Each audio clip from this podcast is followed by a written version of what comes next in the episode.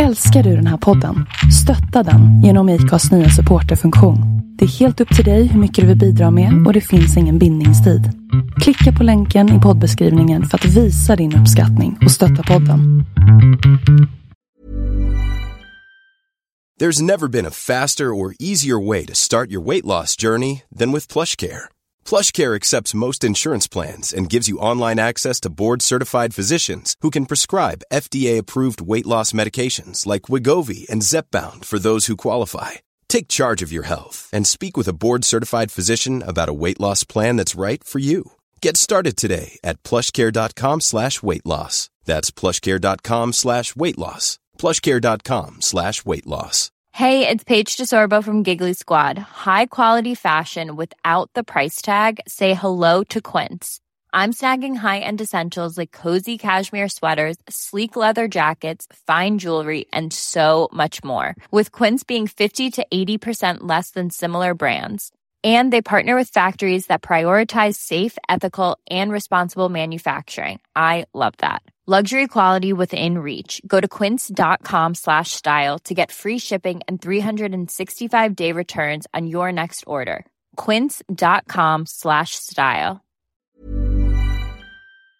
Hallå där, jag heter Linda Hörnfeldt och du lyssnar på avsnitt 89 av We Are Influencers, ett podcastsamarbete mellan Influencers of Sweden och Lalinda. Gustav Johansson från Jävligt Gott är flerfaldigt prisbelönad matbloggare, författare, föreläsare och klimatkämpe. Han har offentligt muckat med Jan Guillou och han vill göra det lättare för alla att äta vegetariskt och veganskt genom att göra vanlig mat vegansk och jävligt god. Jag måste säga att you are in for a treat nu mina vänner. Gustav delar med sig av så mycket bra insikter när det kommer till det här hur influencers ska tänka på sin affärsutveckling. Hur viktigt det är att inte tänka för smått utan ha flera ben att stå på i sin business och konstant utvecklas. Här kommer min intervju med Gustav Johansson.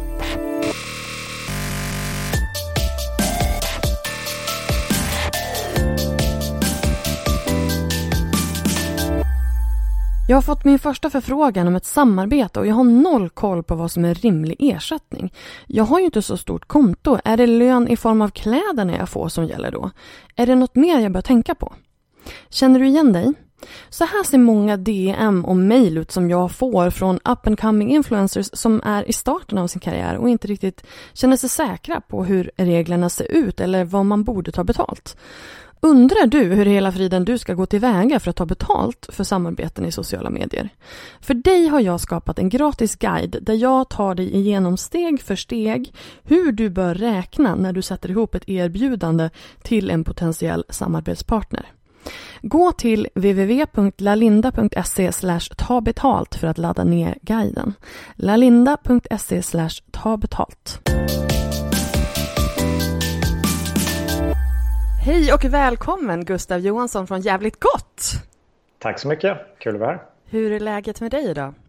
Ja, men det är bra. Jag har varit och gymmat här på morgonen. Solen lyser utanför fönstret så att det känns som en bra start på dagen. Livet börjar återvända liksom? Extremt mycket så. Eh, jag, är, jag tror som väldigt många andra människor väldigt så här, känslig för det här med eh, vädret och solen. Så att ja. det är fint tillbaka. Eh, vart sitter du någonstans?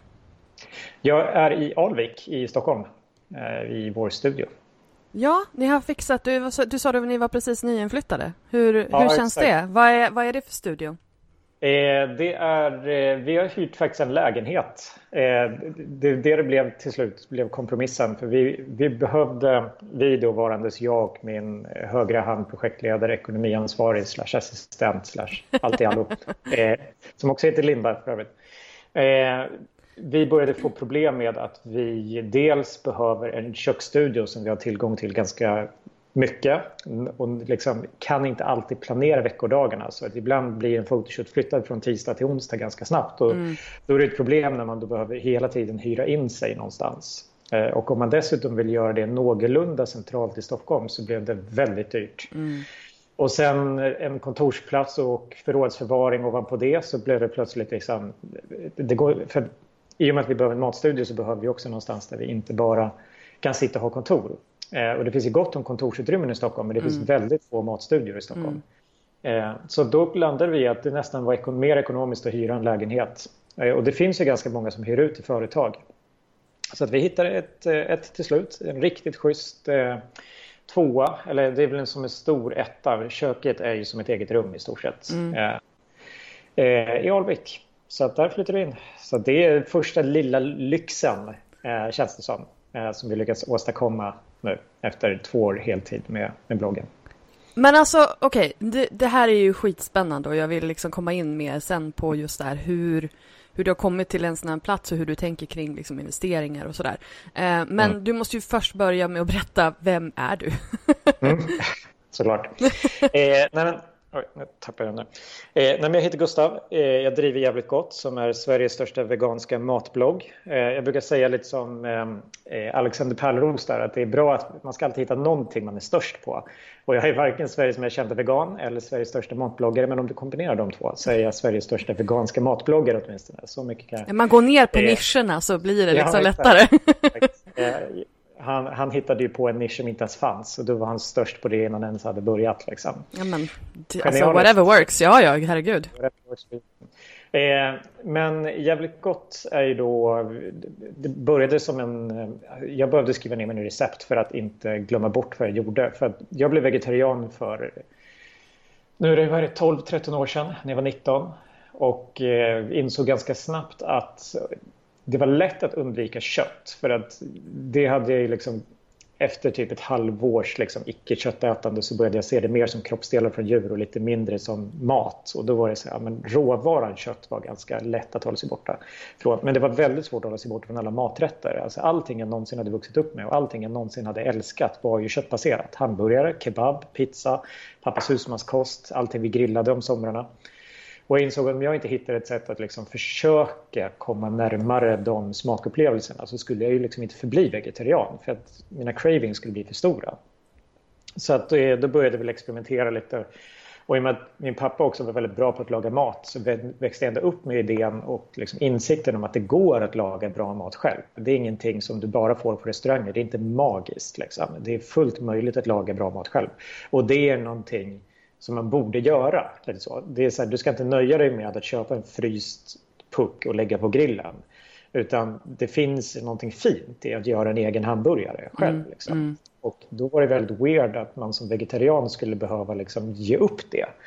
Och det kunde jag inte riktigt gå med på. Så då började jag liksom försöka experimentera, försöka hitta sätt. Kan man göra en hamburgare från scratch själv utan kött?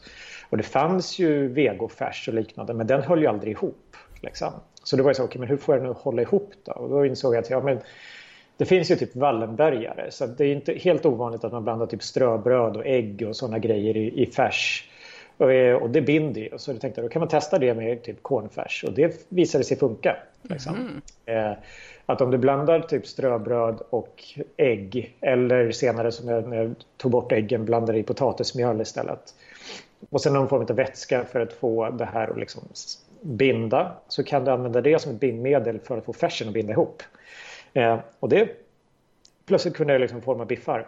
Eh, men de smakade ju fortfarande skit för att ägg och ströbröd och cornfärs är liksom, det är liksom wellpapp. Liksom. Eh, eh, så då var det så, okay, men hur kan man få upp smaken? Och så var det ännu mer experimenterande. Men så kom jag till en punkt där jag insåg att jag blir liksom inte bättre på det. Jag glömmer bort vad jag hade i mina biffar för, hela tiden. Liksom. Mm. Eh, så att jag var tvungen att börja skriva ner dem och varandes lite så här Lunarstorm-generationen, så lite så här HTML. Det var lite kul. Liksom. Eh, och jag gillade att fota och gillade att skriva. Så jag tänkte, och en blogg var en ganska bra plattform för att kombinera allt det. Man kunde, det var lätt att lägga upp en bild mm. eh, och att tagga och liksom göra grejer. Så det var lätt att hitta saker. Strukturera liksom. Strukturera det mm. helt enkelt. Det var ju lite som, jag behövde skriva min egen kokbok och då hade jag alternativet att göra det i ett häfte eller göra det på en blogg. Och då kändes blogg rimligt. Liksom.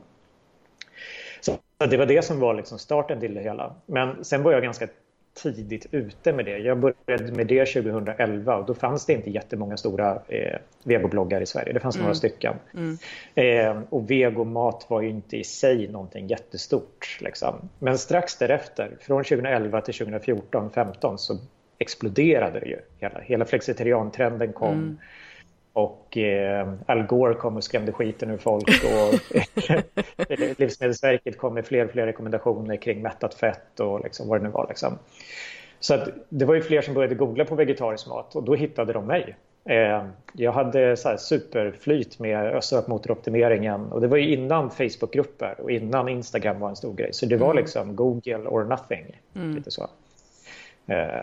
Och sen fortsatte det fram i ett par år medan jag höll på med andra grejer. Liksom. Eh, och sen någonstans där runt årsskiftet mm, eh, 2015-2016 så hade jag hamnat lite så här mellanchefsträsket eh, på mitt eh, tidigare jobb. Kände väl inte riktigt att jag var på väg någonstans. Och var lite så här, vad fan ska jag göra med mitt liv? Jag var typ 28 och hade liksom lite 30-årskris på gång. Tänker jag. Och insåg att jag ändå hade den här bloggen med typ 50 000 unika läsare i månaden som, var, som jag hade totalt försummat eh, de senaste åren. Och var så, men det här är ju helt bisarrt. ja, eh, bara hej, jag sitter på en skattkista. Kanske ja, men... ska öppna den. Och då hade jag börjat tjäna lite pengar på den. Så det var ändå så här, okej okay, men det här går. Jag kommer ihåg första gången jag fick 10 000 spänn för ett jobb. Jag var så mm. Vad är det som händer? Liksom, för då, det var någon standardgrej där de gav samma arvode till alla. Liksom. Uh. Jag, det var typ det dubbla mot vad jag brukade be om. Uh. Och så här, Jaha, det är så där mycket jag borde kunna få. Mm. Det var ju en helt annan grej. Liksom. Eh, men sen gick det väldigt fort, så då bestämde jag mig för att försöka satsa på det här och se vad jag skulle kunna göra av det. Och sen tog det två månader innan jag hade dragit in mina första 100 000 och kunde gå ner till 80 procent. Eh, och sen tog det fyra, fem månader till och sen hade jag sagt upp mig. Liksom.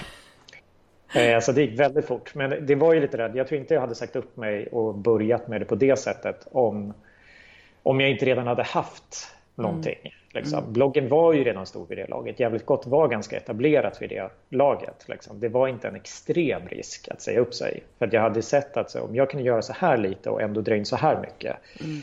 då är inte det här helt omöjligt. Liksom. Jag hade nog inte liksom, sagt upp mig och tagit ett år obetalt eh, för att bygga upp någonting från scratch. Det, behövde jag inte, så det var ganska flyt på det sättet. Men så nu är det en ganska stor grej, det kommer vi att prata lite om sen kanske, men det är så här, nu håller vi matlagningskurser, jag föreläser ganska mycket, jag gör mycket stora restaurangsamarbeten eh, och försöker på alla möjliga sätt jag kan ar, liksom, vad ska man säga, arbeta för att göra växtbaserad mat eh, jävligt god helt enkelt. Eh, och det är lite det som är liksom idén med det, alltså att om vi ska få om vi ska rädda världen då, på något sätt ja. liksom, så måste vi se till att göra de rätta valen bättre och lättare. Snarare än att få människor att älska någonting nytt och svårt och konstigt eller se åt människor att de inte får göra en massa saker. För att det är väldigt enkelt, det funkar inte. Eh, är det din grej nu? Nu ska du rädda världen. Är det det liksom som är din, är det din drivkraft? Ja, alltså jag skulle säga så här. Jag har jobbat hela mitt liv, i olika, inte hela mitt liv, men hela mitt yrkesliv i olika typer av ideella organisationer fram till att jag började med det här. Jag började med att jag gick med i SSU när jag var 16 och sen gick, gick jag med i lokala ungdomsrådet ungefär i samma veva. Och sen så blev jag efter studenten så fick jag möjlighet att flytta till Stockholm och börja jobba för en av de här ungdomsorganisationerna som jag då hade hängt i en massa. Mm. Eh, och sen därefter blev jag förtroendevald och heltidsarvoderad för Sveriges ungdomsråd och gjorde det i tre års tid och sen började jag jobba på Fryshuset där jag jobbade i fyra års tid. Så jag har liksom jobbat i så ideell sektor med så här, Rädda Världen-prylar i någon mån hela mitt liv. Liksom. Mm. Så för mig är det ganska, jag vet att det går att kombinera att göra ett kul jobb med att eh, också göra någonting som inte bara är bra för mig. Liksom. Och det är någonting, man blir nästan lite så här smått hooked på den känslan av att känna sig liksom eh, att man gör någonting bra liksom. Gör någonting bra, mm. exakt. Det är en väldigt skön känsla liksom. Och sen då när jag fick möjligheten att göra det här så var ju det, det var ju fantastiskt kul att få jobba med sin hobby, hela mm. den biten. Men det jag insåg var att anledningen till varför folk följer jävligt gott, det är inte för att jag gör världens bästa veganska köttfärssås. Liksom. För det, det, kan jag inte säga att jag gör. Den är, den är bra, men den är inte liksom helt mirakulöst bra. Liksom. Det är inte det som är grejen. Så jag tror att grejen är det att det som jävligt gott handlar om det är att du får äta kakan och ha den kvar. Det är det som folk går igång på, det är det folk kan relatera till. Alltså det är många människor som är precis som jag, i grund och botten köttätare som bara vill äta bättre. Mm. Eh, och som vill få hjälp med det. Mm. Och det är en skitviktig grej. Och om jag ser att det är det jag håller på med, snarare än att jag jobbar med min hobby, då blir det dels otroligt mycket lättare att motivera sig. Det blir också väldigt mycket lättare att se vad är det långsiktiga målet med det här.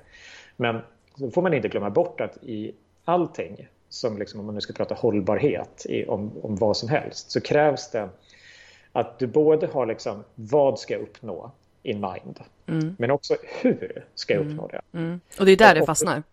Det är, exakt, det är där det fastnar för så väldigt många människor. Att om du inte också tittar på hur gör vi det här ekonomiskt gångbart och hur gör vi det här till någonting folk faktiskt vill ha? Liksom. Mm. Det måste vara socialt och ekonomiskt hållbart och attraktivt. Inte bara att målet i sig är en bra sak. Därför mm. att det blir som att gå på diet. Liksom. Ja, eh, gud, ja. Så länge du eh, eh, tvingar dig själv till att gå på en diet så är det inte hållbart. Då kommer du så fort du liksom når ditt mål så kommer det vara så okej okay, nu får jag ta tårta igen. Vad bra! eh, det är egentligen är tårta du vill göra. Liksom. Mm. Och i det här fallet så att ja, jag måste hitta ett sätt att tjäna pengar på jävligt gott. Eh, för annars så kommer jag aldrig nå ut. Mm. Eh, då får jag inte varken hålla på med det och jag uppnår inte heller någon form av verklig förändring. Liksom. Så för mig har det varit väldigt mycket mer motiverande att titta på vad att vi får fler människor att äta bättre än att jag får jobba med min hobby. Det är en jävligt nice grej. Men eh, jag tror att jag skulle liksom bara slita ut min hobby om mm. jag bara såg det som det. Liksom. Ganska lätt, för det är väldigt lätt. Alltså, du kan spela tv-spel hur många gånger som helst och sen till slut så kommer du ha gjort det. Då kommer du vara bra på det och sen blir det skittråkigt. Liksom. Mm. Men eh, det finns en lång väg kvar tills vi får alla människor att äta vego. Typ. Så, du, så du känner att det finns liksom potential till att kunna ha det här jobbet ett tag och inte bli uttråkad? Eh, ja, verkligen. Alltså, det är so far från vad som har hänt hittills. Ska jag säga. Eh, det är ju en extrem resa det här, ska jag säga. Eh, och det har varit väldigt mycket upp och ner och jag lär mig sjukt mycket och det är väldigt utmanande. Det är så här, jag har ju suttit som sagt och sökt projektpengar och sen har vi gjort grejer mm. tidigare. Nu, nu är det krona för krona. Om jag liksom inte genererar ett värde som är mätbart för någon annan och i min plånbok varje månad så får jag ingen lön och då måste vi lägga ner och så måste jag avskeda folk. Liksom. Eh, så det, det, är en lång... Det, det, det är inte lätt. Men alltså Men hur... Jag vet inte riktigt vilken ände jag ska börja här nu för att det, det, är så, det finns så mycket, det finns så himla mycket här att bara rafsa runt i. Eh, men om vi börjar liksom med med din business så kan vi prata liksom rädda världen sen. Eh, men jag tänker när du då kom fram till att okej, okay, nu vill jag göra det här. Nu vill jag ha det här som mitt jobb och nu ska jag plocka upp den här lilla skattkistan som har stått här och samlat damm ett tag. Vad gjorde du då? Eh, ja, det första var ju att jag, kunde, jag konstaterade att okay, jag kan sälja ungefär så här många blogginlägg i månaden för ungefär det här priset om jag ligger på. Liksom. Så det, det, det, absolut första var ju att försöka inventera okay, vilka företag har jag någon form av kontakt med eller vilka skulle jag vilja jobba med och börja försöka liksom, jobba på de trådarna. Och det hjälpte ju att jag hade lite, gjort några samarbeten tidigare som jag kunde visa upp. Liksom. Ja. Eh, och skrev ihop lite så här, idéer och tog fram någon form av grundmall för en offert och lite sånt. Liksom. Eh, så det var ju liksom steg nummer ett. Steg nummer två då att sätta sig ner och fundera på okay, men vad kan jag göra mer? För det är ganska uppenbart, framförallt som matbloggare ska jag säga. Jag har lite för dålig koll på andra typer av bloggerier för att säga exakt hur det är. Men matbloggare, eller matföretagen är inte lika på som eh, och lika långt fram i det här som många livsstils och eh, modeföretag är. De har inte riktigt nödvändigtvis förstått storhet, eller inte storheten, men vad man ska använda en matbloggare till. Mm. Eh, och hur.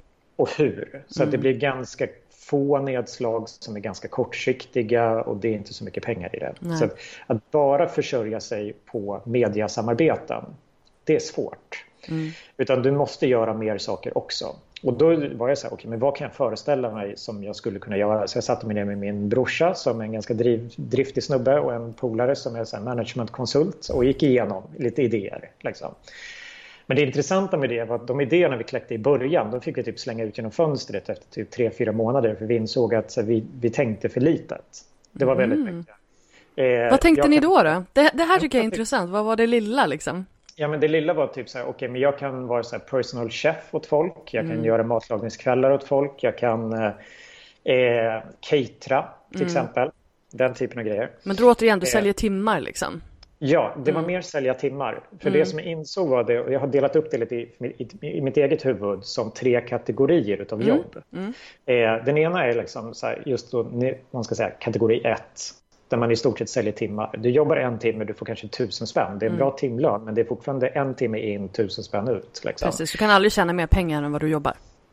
Nej, exakt. Eh, och det var väldigt tydligt väldigt snabbt att det där för det första fick jag andra typer av förfrågningar ganska fort som var så här, men det här var ju roligare och det här var ju bättre. Mm. Eh, och jag insåg ganska snabbt att om jag jämförde det med vad jag gjorde i mina mediajobb så var det så extremt mycket sämre betalt. Alltså i, i ett mediajobb så kan jag sälja ett inlägg då, för då, på den tiden kunde jag sälja ett recept för 10 000 spänn. Eh, och ett recept kunde jag klämma ur mig på en halv dag. Vilket innebar att jag på en halv dag, tre till fyra timmars jobb, kunde tjäna 10 000 spänn. Vilket var i det läget typ två veckors jobb nästan. Mm. Eh, eller två veckors mm. lön. Vilket mm. var ju så här, okay, men det är där jag rimligtvis, det är det som är mitt värde mm. om man säger så. Så att jag insåg att jag slänger bort mitt värde här. Så jag var tvungen att börja titta på liksom, kategori 2-områden. Så där man kan ta åtminstone säg 10 till 20 000 kronor för ett jobb. Liksom. Där du har den här mer... Där allting jag har byggt upp värderas. Eh, för det är det som är så väldigt Varumärket viktigt. Varumärket liksom. Varumärket, mm. exakt. Eh, för det är precis som eh, om du är advokat har du gått en lång jävla utbildning. Liksom. Du kan saker. Mm. Det är mm. inte, du är inte vem som helst som kommer att ge folk tips här. Liksom. Utan du måste, och sen är hela poängen att säga om jag gör det här då ska jag exponera det i mina kanaler. Och då är det det som är värdet. Varför? Annars kan de ju ta vem som helst och jobba mm. med det. Eh, så att om de vill jobba med mig så är det för att de vill ha exponeringen och den exponeringen kostar lika mycket som mitt arbete gör. Eh, så då var det mer att fokusera på nivå 2-grejerna. Sen kommer ju utmaningen i sig då att identifiera tillräckligt många nivå 2-idéer för att kunna få rull på det. Och det har tagit tid och det har också tagit lång tid att utröna vilka av de här nivå 2-idéerna, om man säger så, som dels jag tycker är kul och som jag är bra på och som faktiskt är en bra idé. För allting är inte en bra idé bara för att det kan se ut så på pappret, för det kan vara mycket svårare än vad du tror. Eh, det insåg jag med till exempel catering som var en grej som jag tänkte i början att vi får jättemycket cateringförfrågningar. Liksom. Mm. Jag tänkte, det är ju kul, jag mm. kan laga mat.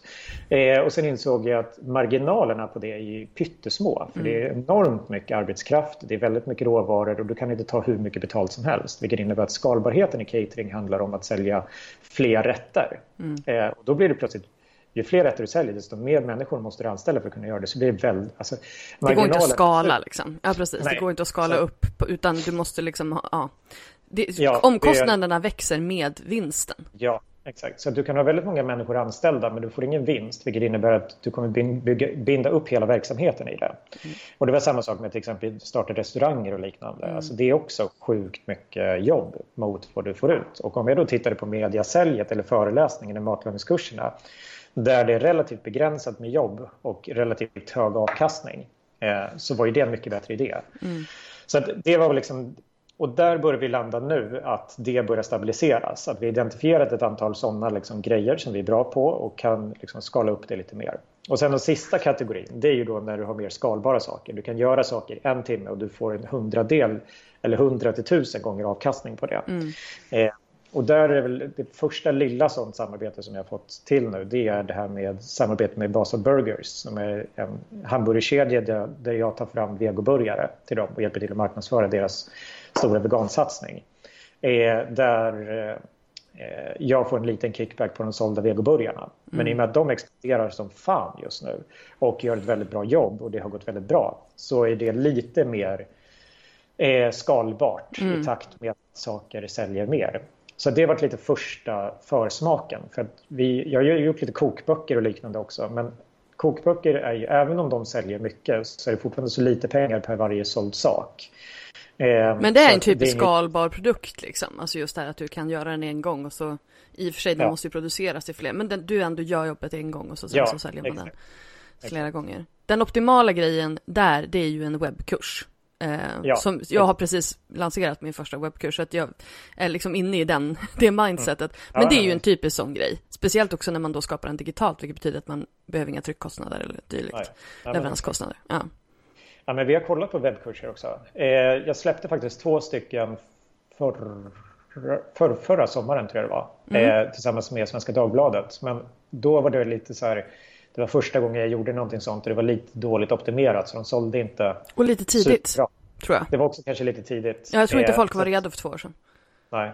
Men nu har ju eh, dels Gordon Ramsay släppt med eh, eh masterclass och sen mm. har ju köket.se börjat satsa ganska mycket på matlagningskurser online. Yes. Så jag hoppas att eh, att branschen eller, eller så världen är lite mer redo för det. Ja, men det, men det, det känns någonting. lite så och där är ju liksom, då har ju du redan ett varumärke vilket betyder att du kan egentligen bara när, när, när marknaden mognat så kan du bara glida in från vänster och, och liksom skrapa ihop dina, ja, dina följare liksom. Jag hoppas verkligen det. Så att det, det, eh, det, det är lite där som är liksom planen nu. För nu börjar vi stabilisera oss inom liksom, ska man säga, kategori 2. Mm.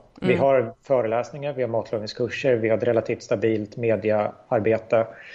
Eh, gör en del restaurangkonsultjobb. Liksom. Men att nu titta på okay, men hur kan vi ta jävligt gott och ta det till ännu en nivå. Mm. Eh, och då krävs det till exempel satsningar på kurser, satsningar på eh, fler och bättre böcker, eh, utveckla den digitala plattformen. Det är absolut någonting jag tittar på. För att om jag ser, för Jävligt Gott har ju lite olika ben. Mm, mm. Berätta, berätta eh, om benen. Alltså, om jag ser det som så här, grundidén när jag funderade på okay, men hur ska vi rädda världen så insåg jag att det, finns eh, så insåg jag att det som jag kan bidra med det är att få människor att äta bättre. Mm. Eh, och de tre anledningarna, eller de tre grejerna som jag tror att jag kan ha mest påverkan där, om man säger så här, stora områden, eh, beskrev jag som nummer ett inspiration. Alltså att visa människor vad växtbaserad mat kan vara för någonting. Mm. Alltså det är så många som tror att det är hummus och sallad, typ. Eh, men det kan vara vad som helst. Det kan vara köttbullar, hamburgare, det kan vara vad som helst. Liksom. Men då måste man visa det för folk så att de överhuvudtaget känner sig liksom redo att försöka. Mm. Så att det kan jag göra. Och det, så hela det här liksom matunderhållningsspåret är superintressant. Så mm. där kan vi göra jättemycket saker. Det är helt relevant. Jag är bra på det. Liksom. Det andra var utbilda. Eh, så när folk har fattat att det, att det går så måste de fatta hur man gör. Liksom. Så där är till exempel webbkurser, till mm. exempel kokböcker.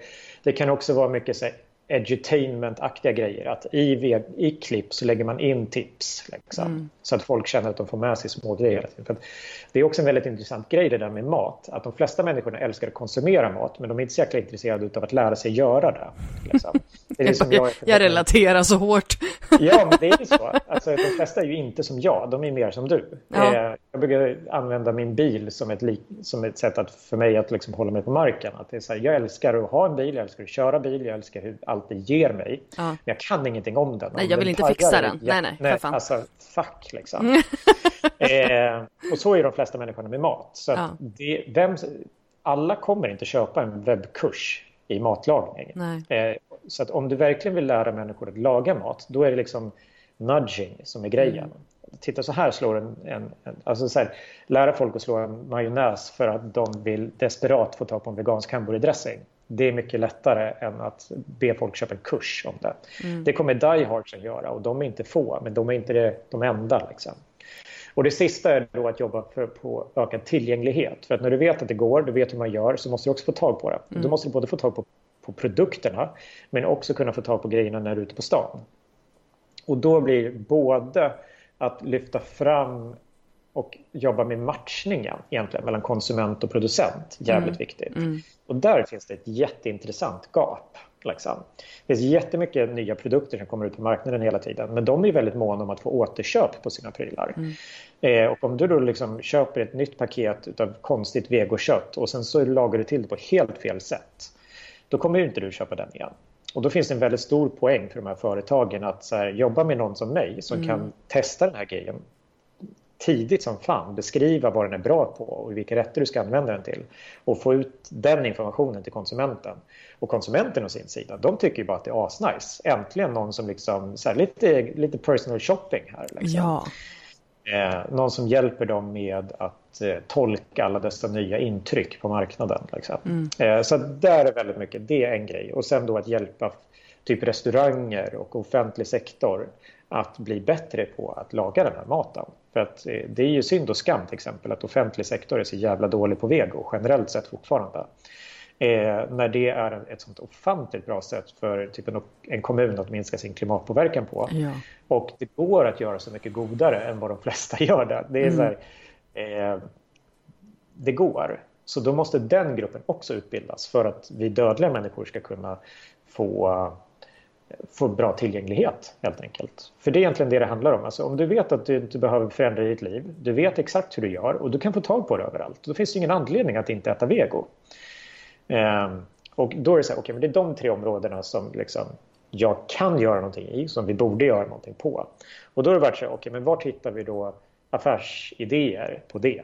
Och då till exempel, okay, men tittar man på inspiration så finns ju, då är ju bloggen grejen. Mm. Bloggen, in, Instagram, Youtube och liknande. Så att, att driva stora framgångsrika liksom, sociala mediekonton som ins, med mycket matinspiration.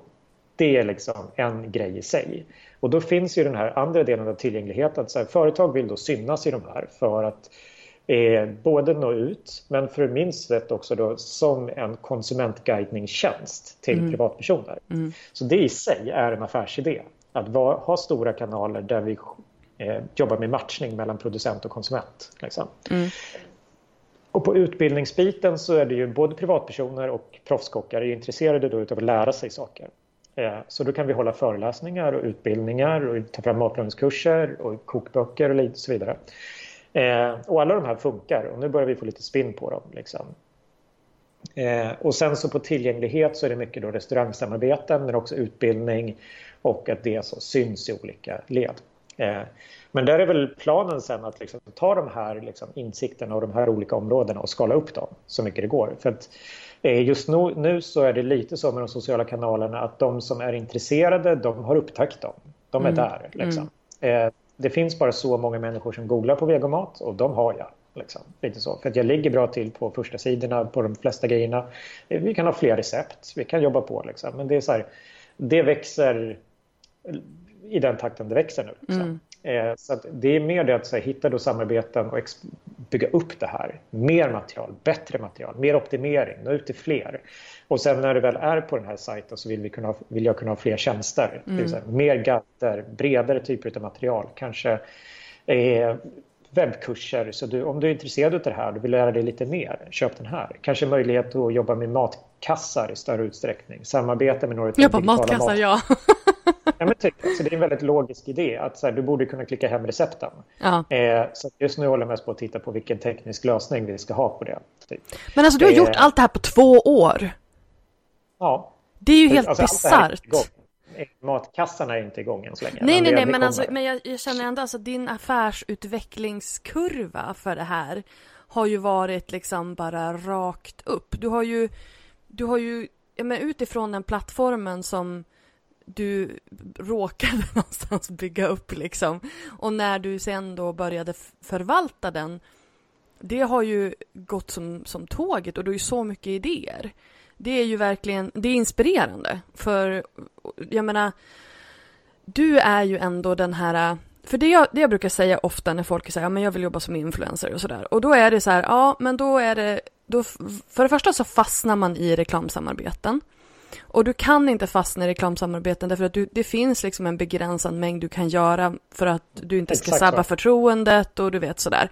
Eh, och då blir det liksom så här, och jag tror också att det kommer att gå ner i och med att reklamtröttheten även bland influencers eh, ökar. Och då främst mm. på Instagram därför att där blandas ju din reklam och min reklam med alla andras reklam.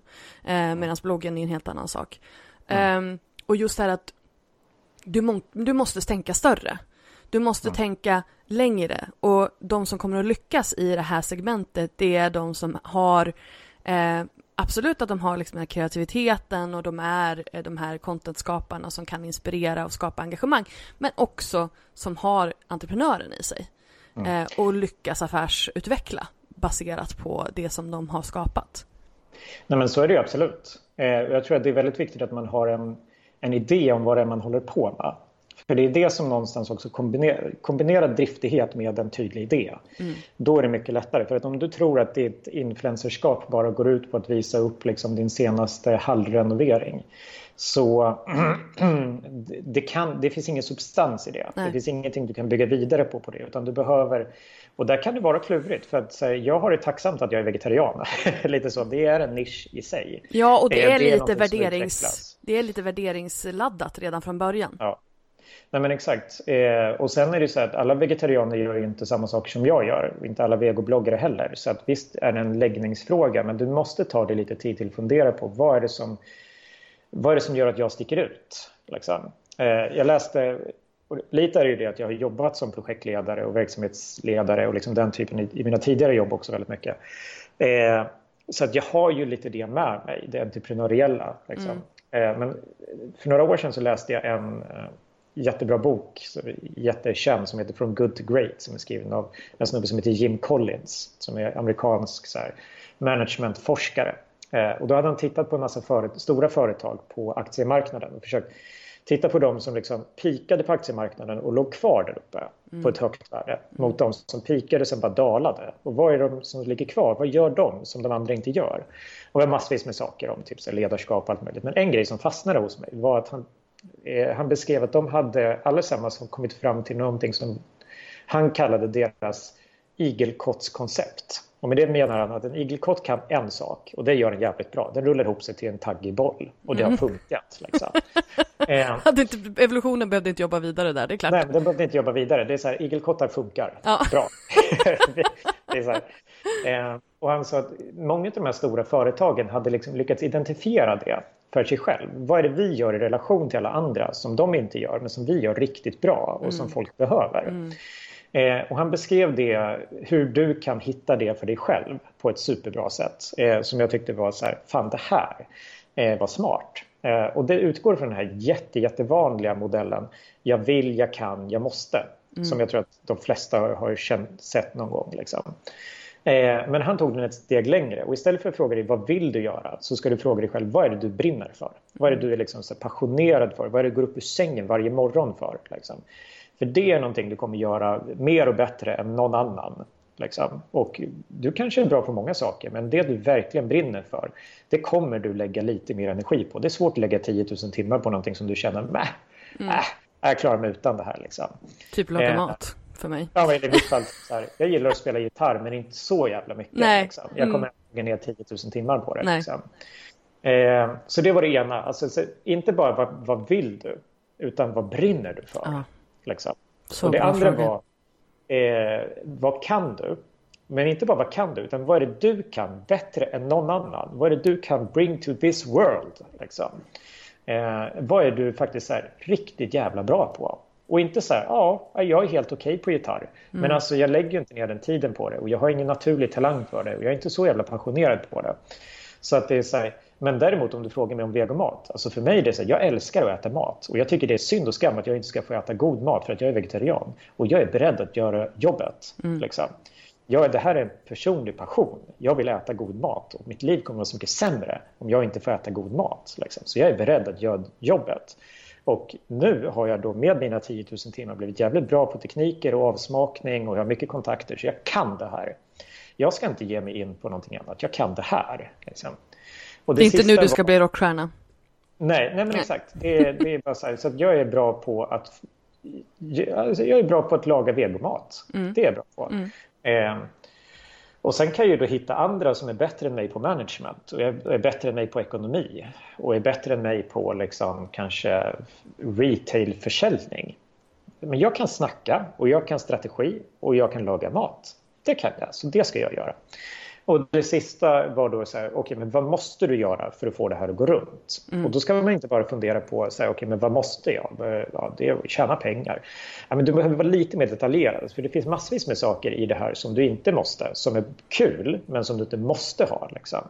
Och en av sakerna är ju det att ja, du måste generera pengar eh, krasst sett. Alltså, om du vill fortsätta jobba med det här så måste du generera så mycket pengar så att du kan gå runt på det. Men du måste inte nödvändigtvis generera skitmycket pengar på det. Så det är inte så att du måste vänta på att det här blir en jättebra idé. Du kan börja på liksom en okej okay nivå och börja med att bli bättre. Liksom, för att sen skala upp det. Men du kanske också måste göra de delarna av det här som du faktiskt känner dig motiverad för. För att om du bara sätter dig i en position där du bara gör det för pengarnas skull och inte för passionens skull så blir det svårt. Så att att ta de där frågorna och hela tiden stämma av sina nya idéer mot det är också ett bra sätt. Är det här någonting som jag gör som jag faktiskt, till skillnad från alla andra matbloggare där ute, faktiskt är lite bättre på? Har jag någon idé? Och då kan det rätt vara så här, saknar jag någonting där ute? Mm. För att om du saknar någonting, då kan du hoppa upp och sätta dig på att någon annan saknar det. Och de kommer vara jättetacksamma för att du gör någonting åt det. Mm. Eh, och för mig var det så att jag saknade svulliga vegoburgare. Liksom. Eh, och eh, nu gör någon, någon någonting åt det och det är jag. Mm. Typ. Det var inte svårare än så. Alltså, du måste inte ha en, en, unik idé. Det måste bara vara någonting som ingen har tagit tag i än så länge. Eh, alla mina polare gillade vegoburgare. För vi var ett gäng vegetarianer som gillade mat och öl och korv. Liksom. Eh, så jag var inte på något sätt unik. Mm. Men jag var den som lagade maten och sen skrev om den.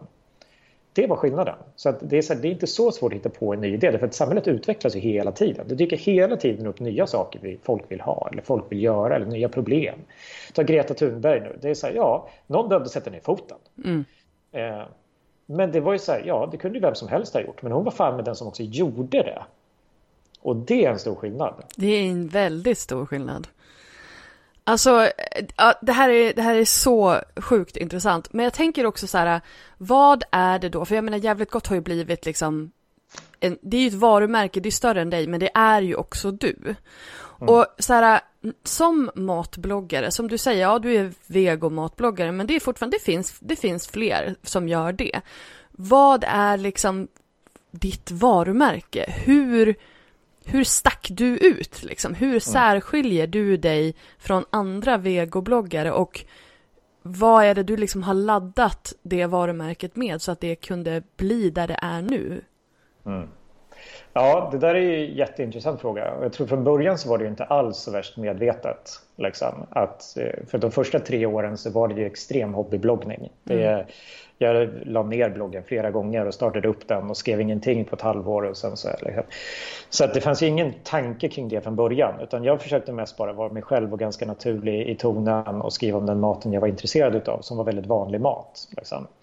Eh, så att jag tror att en del handlar om att jag, men det var någonting som jag insåg ganska fort var liksom överlag en bra strategi. Att försöka vara så relaterbar som möjligt. Att inte och där är så här, visst, du kan ju göra en blogg som handlar om kinesisk eh, vegansk matlagning. Eh, där du ska försöka gå till asiatiska matbutiken och försöka luska ut vad de här olika produkterna gör. Liksom. Det är säkert liksom, jätteintressant, men det är ganska nischat. Liksom. Och du kommer inte få en bred målgrupp på det. Så att för mig var det ändå så att att göra lasagne, göra kladdkaka, göra köttbullar, göra de här vanliga grejerna, det var en grej i sig. Därför att det stack ut då för att folk skulle antingen göra konstiga vegetariska saker eller så gjorde de så att, att vara relaterbar är alltid viktigt. Liksom. Men det andra var väl det att här, i någon mån genom att vara en vanlig kille liksom, så stack jag ut någonstans. För de killar som fanns, de var antingen straight edge, det vill säga de var inte vanliga om de mm. var vegansk, veganer. Mm. Liksom. Eh, eller så var det tjejer. Mm. Liksom. Så ja, du är ganska unik som snubbe i bloggvärlden generellt. Eller du var det i alla fall från början. Eller i bloggvärlden ja, det... är det nog fortfarande det. Det är ju YouTube ja. som folk har, eller som snubbarna har glidit in. Mm, ja, exakt. Eh, och, och, Youtube är mycket en helt annan grej har jag verkligen insett än det jag håller på med nu. Eh, kan man lugnt säga. Eh, jag bara, det men, vill jag höra mer om sen. Ja, ja det, absolut. Eh, men faktiskt faktiskt var det så att när jag började som vegobloggare så de, nästan alla stora vegobloggar 2011 var snubbar.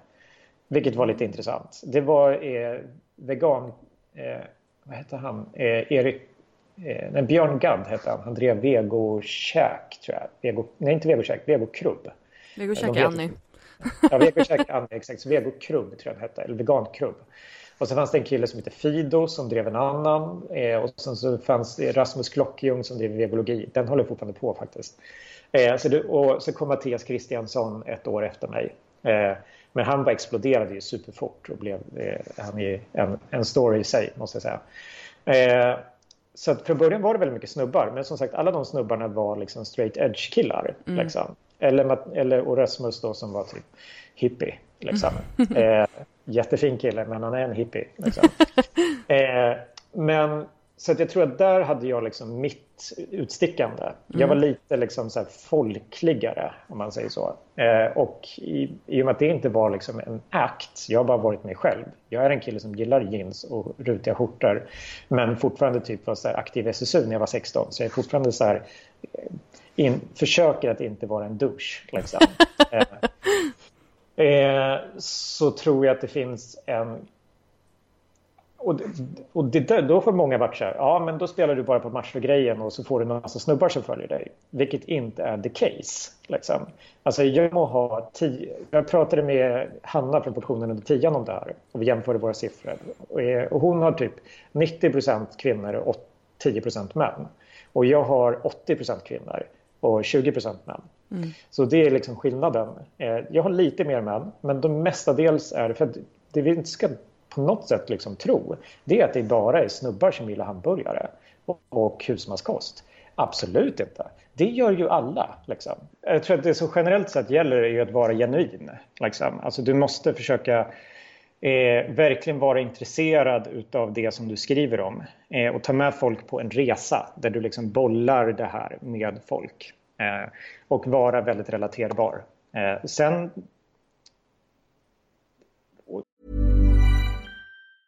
When you're ready to pop the question, the last thing you want to do is second guess the ring. At BlueNile.com you can design a one-of-a-kind ring with the ease and convenience of shopping online. Choose your diamond and setting. When you find the one, you'll get it delivered right to your door. Go to Bluenile.com and use promo code LISTEN to get $50 off your purchase of $500 or more. That's code LISTEN at Bluenile.com for $50 off your purchase.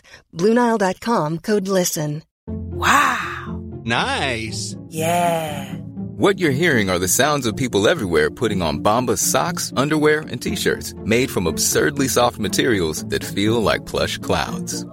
Yeah, that plush. And the best part? For every item you purchase, Bombas donates another to someone facing homelessness. Bombas. Big comfort for everyone. Go to bombas.com slash ACAST and use code ACAST for 20% off your first purchase. That's bombas.com slash ACAST. Code ACAST.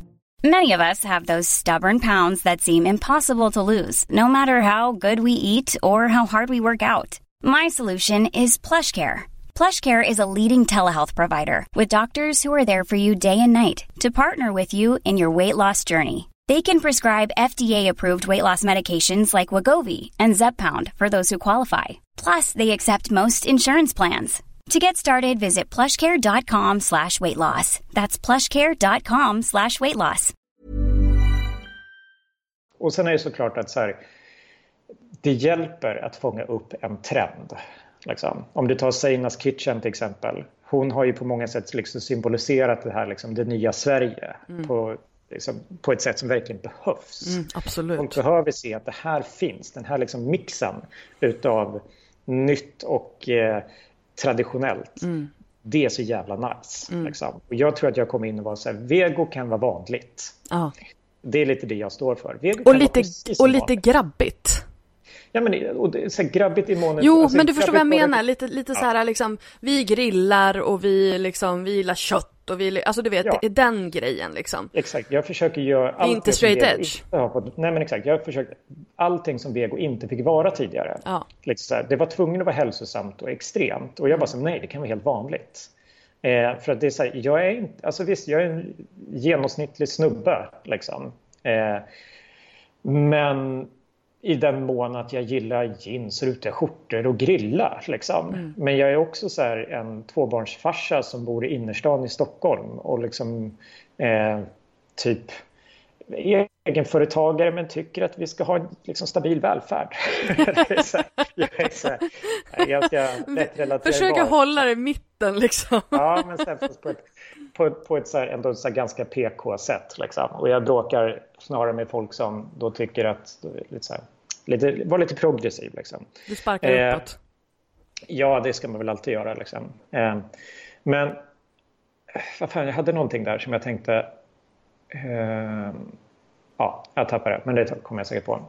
Men jag tror som sagt att så här, det viktiga är att ta med dina följare på ett ett faktiskt gemensamt intresse där du har en resa att utforska tillsammans med dem. Var genuin. Eh, och eh, om du har tur så hittar du en trend som ligger i tiden och som inte är en fluga. Liksom.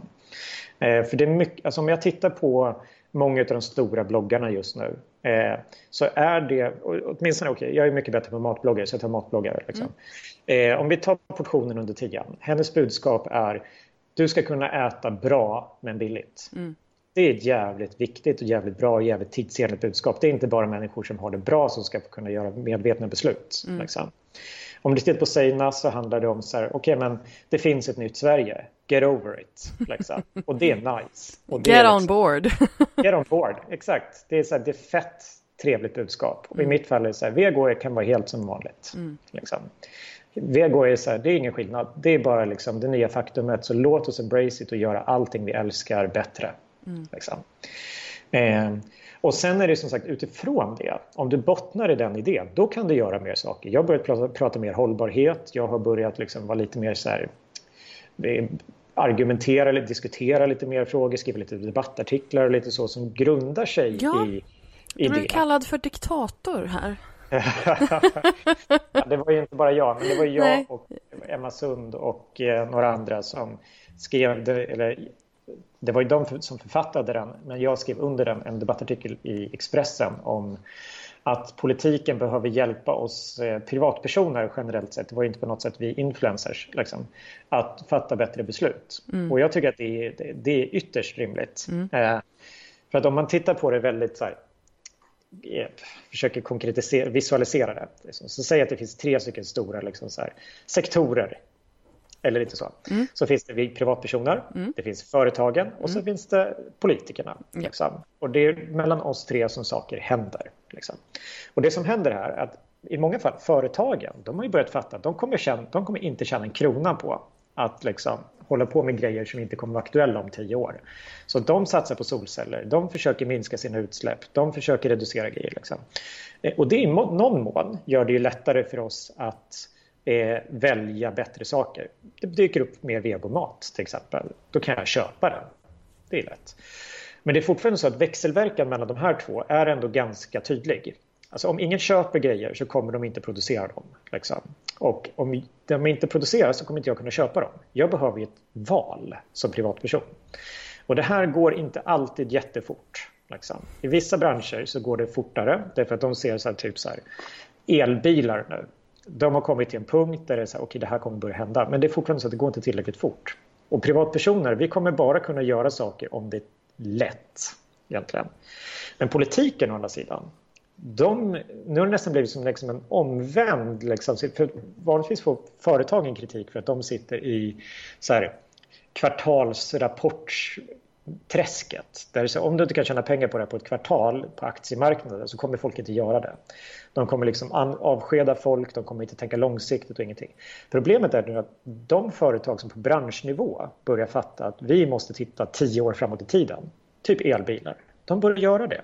Men då står fortfarande politiken kvar och tittar fyra år i taget hela tiden. Mm. Och de tänker så här, om jag inte kan bli omvald, då finns det ingen poäng att driva igenom det här. Och det baseras ju på hur de då tolkar den nuvarande opinionen. Eh, vilken i sin tur är extremt kortsiktigt. Så här, finns det en elbil att köpa just nu som jag kan ladda utanför mitt hem och sen köra till sommarstugan med? Nej, det gör det inte. Då köper jag ingen elbil. Mm.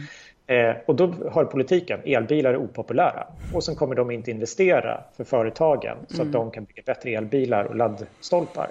Och alltså är man fast. Mm. Liksom.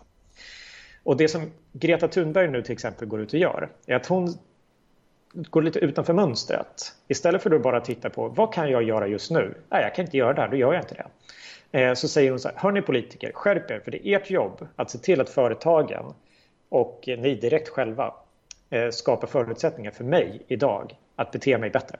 Mm. Därför att du kan inte...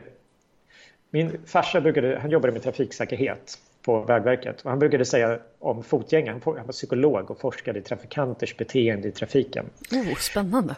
Jättespännande. Eh, så att han jobbade med nollvisionen och liksom mm. fartkameror och mitträcken och allting sånt där. Eh, så han brukade säga så att fotgängare, det vill säga folk, mm. de är dumma i huvudet. De är svarta de vill från punkt A till punkt B på absolut enklaste sätt. Mm. Alltså vatten rinner den rakaste vägen oavsett vad. Om det inte finns ett jättestort hinder eller en bättre väg att gå. Mm. Så att han säger, om du vill hindra folk från att gå över en motorväg, då ska du inte stoppa övergången 200 meter bort från den naturliga crossingen. Mm. Alltså, hur folk kommer bara gå över vägen. Mm. Oavsett, så här, de kommer alltid försöka riskera det. Om du inte gör väldigt tydligt att det står ett två meter högt staket mitt i vägen så det inte går att hoppa över. Eller så får du bygga liksom, bron precis där folk går, annars går de inte på den. Och det, I det här fallet är det väldigt enkelt. Om det inte finns ett bättre alternativ kommer de flesta inte ta det. Och det handlar inte om att du är dum i huvudet eller att du är ett monster eller att du vill förstöra klimatet. Det handlar om att din relation till vad det nu är som är problem är som min relation till min bil. Jag pallar inte. Alltså fuck. Jag vet inte ens vad jag ska göra här. Liksom. Jag har inte tid att sätta mig in i den här frågan. Ge mig ett alternativ, då kan jag ta det. Men det Exakt. måste vara liksom tillräckligt bra för att det ska funka. Mm. Och det är fan med politikens jobb. Mm. Eh, och jag gör ju det jag kan inom vegomat. För det här är ganska enkelt. Det finns vegoburgare idag. De är ganska bra. Då ska vi bara få folk att fatta att de finns och sen kan vi få ut. Men inom allting annat då? Flyg. Vadå så här, som min svåger bor och jobbar i Los Angeles. Innebär det att vi aldrig ska få hälsa på honom igen? Ja, det blir ju lite det som blir så konsekven konsekvensen av den typen av antingen eller-tänk. Men med vego, du måste inte bli vegan för att äta en vegoburgare. Du kan ju liksom, det finns en gråskala där. Liksom. Mm. Och det är så jäkla sugigt att det i vissa områden nu verkar vara så att det, finns, det är svartvitt. Ja, allt eller inget. Exakt, och det, så funkar inte folk. Då kommer de antingen skita i dig Mm. eh, och så kommer bara ett litet antal människor göra det rätta. Liksom. Utan vi måste hitta en gråskala. Liksom. Annars Mm. så kommer för många stanna kvar. Och då måste politiken in, för vi må, det klarar inte du som privatperson av. Liksom. Jag såg din, eh, den, den här föreläsningen som du höll ganska nyligen. Du hade den här liknelsen med att vi sitter nere i den här gröna dalen och så sen så är det så här stora berget bredvid oss. Och det är det där stora berget som vi ska, liksom, Mm. vi förväntas eh, bestiga det här berget för där uppe är liksom, ja men, där, där uppe ska vi rädda klimatet eller någonting. Men vi får inga, vi får ingen, ingen, vi får inga rep eller hacker eller vad det är för någonting som man behöver Nej. för att klättra upp för ett berg. Nej. Nej men exakt, och det är precis så det är. Nu har ju faktiskt, just det där berget som jag har på den föreläsningen, eh, har ju faktiskt en galen jävel klättrat upp själv utan det på hackor precis. Eh, Men det är Eh, en! Det är en, En. jävel. En jävel lyckades. Så där har vi vår liksom, Greta Thunberg som fick Malena Ernman att sluta flyga och byta karriär. Liksom. Eh, men resten kommer ju inte göra det. Nej. Alltså, sorry, det är bara så det är. Eh, och för mig är det liksom på många sätt exakt det jag håller på med i Jävligt Gott. Fast jag gör det inom ett begränsat område där vi har ganska mycket alternativ. Så det jag gör är att jag visar folk att det finns alternativ och att de är nice. Liksom. För det är det som jag tror kommer funka. Jag får hela tiden feedback från människor som äter, eh, testat min mat och säger ja men äntligen så inser jag att det går. Jag kan äta palt, jag kan äta hamburgare, jag kan äta det här. Vad bra. Och så måste de ju inte bli veganer, men även om då alla blir flexitarianer, fan det är ju som att 20% till blev veganer. Ja. Liksom. Jättebra. Liksom. Eh, och sen så det som händer också är att vi normaliserar bra beteenden. För det är också en stor grej. Om alla gör en viss sak, då är det ju jättelätt att göra. För grupptrycket är helt borta. Liksom. Om ingen står och hetsar liksom, vid grillen att du ska lägga på en stor oxfilé utan tycker att det är helt nice att du lägger på en Beyond-burgare. Do it. Det är skitenkelt. Liksom. Eh, och sen vänjer vi oss smakmässigt. Det är som allting. Alltså, vinet som vi dricker nu smakar inte som vinet som vi drack för 50 år sedan. För vi har vant oss. Men det tänker ju ingen på. Liksom. Och att köttet om 50 år kommer smaka annorlunda än köttet nu, det kommer ingen tänka på. Det är bara ett faktum. Alltså, ehm, jag känner att jag är, jag är typ helt golvad av all den här all den här informationen, all den här kunskapen. Du är så jävla bra. Tack. men alltså, jag vill bara gå tillbaka lite grann till liksom din business också. För att du sa ju, du sa ju också det här att du har ju, du, du ska göra det du är bra på. Eh, Mm. och vilket är då laga matstrategi, allt det här. Så du har ju Mm. liksom, nu har ju du byggt upp ett team också kring det här. Mm. Jag håller på i alla fall. Ja, tänk, hur tänker du där och vad, hur ser det ut? Ja, alltså för det första så måste man förstå att det är jävligt svårt. Eh, och du behöver, det tar lite tid. Eh, för jag har jobbat med jättemycket folk som jag inte jobbar med längre idag. Kan jag säga. Eh, för att antingen personkemin inte funkat eller för att det var det, inte, inte det som behövdes eller vad det nu kan vara. Liksom. För det är Eh, ett nytt yrke och det är en helt ny, alltså du har Ja. ju byggt upp en helt ny typ av företag så du kan inte slänga ut en, en annons och söka efter någon som har en traditionell utbildning. Liksom. Nej. Nej men exakt, alltså, det är svårt att sätta fingret på exakt vad är det som alltid behövs och försöka liksom kartlägga allt det här. För att, som sagt affärsmodellerna finns ju inte ens. Eh, där ska jag säga att det är väldigt tacksamt att ha kollegor, en, om man nu får kalla det det. Liksom. Andra bloggare som gör lite liknande saker på lite samma nivå. Jag och Seina pratar jättemycket, jag och Hanna från Portionen vid Tian har precis lärt känna varandra och snackat en hel del. Eh, och det är ju lite så här, typ så här, Mikaela Forni, Isabella Lövengrip, Alexander Pärleros. Det finns några stycken som drar åt det här liksom, entreprenörskapshållet och där kan man titta lite. Hur gör de? Mm. Liksom.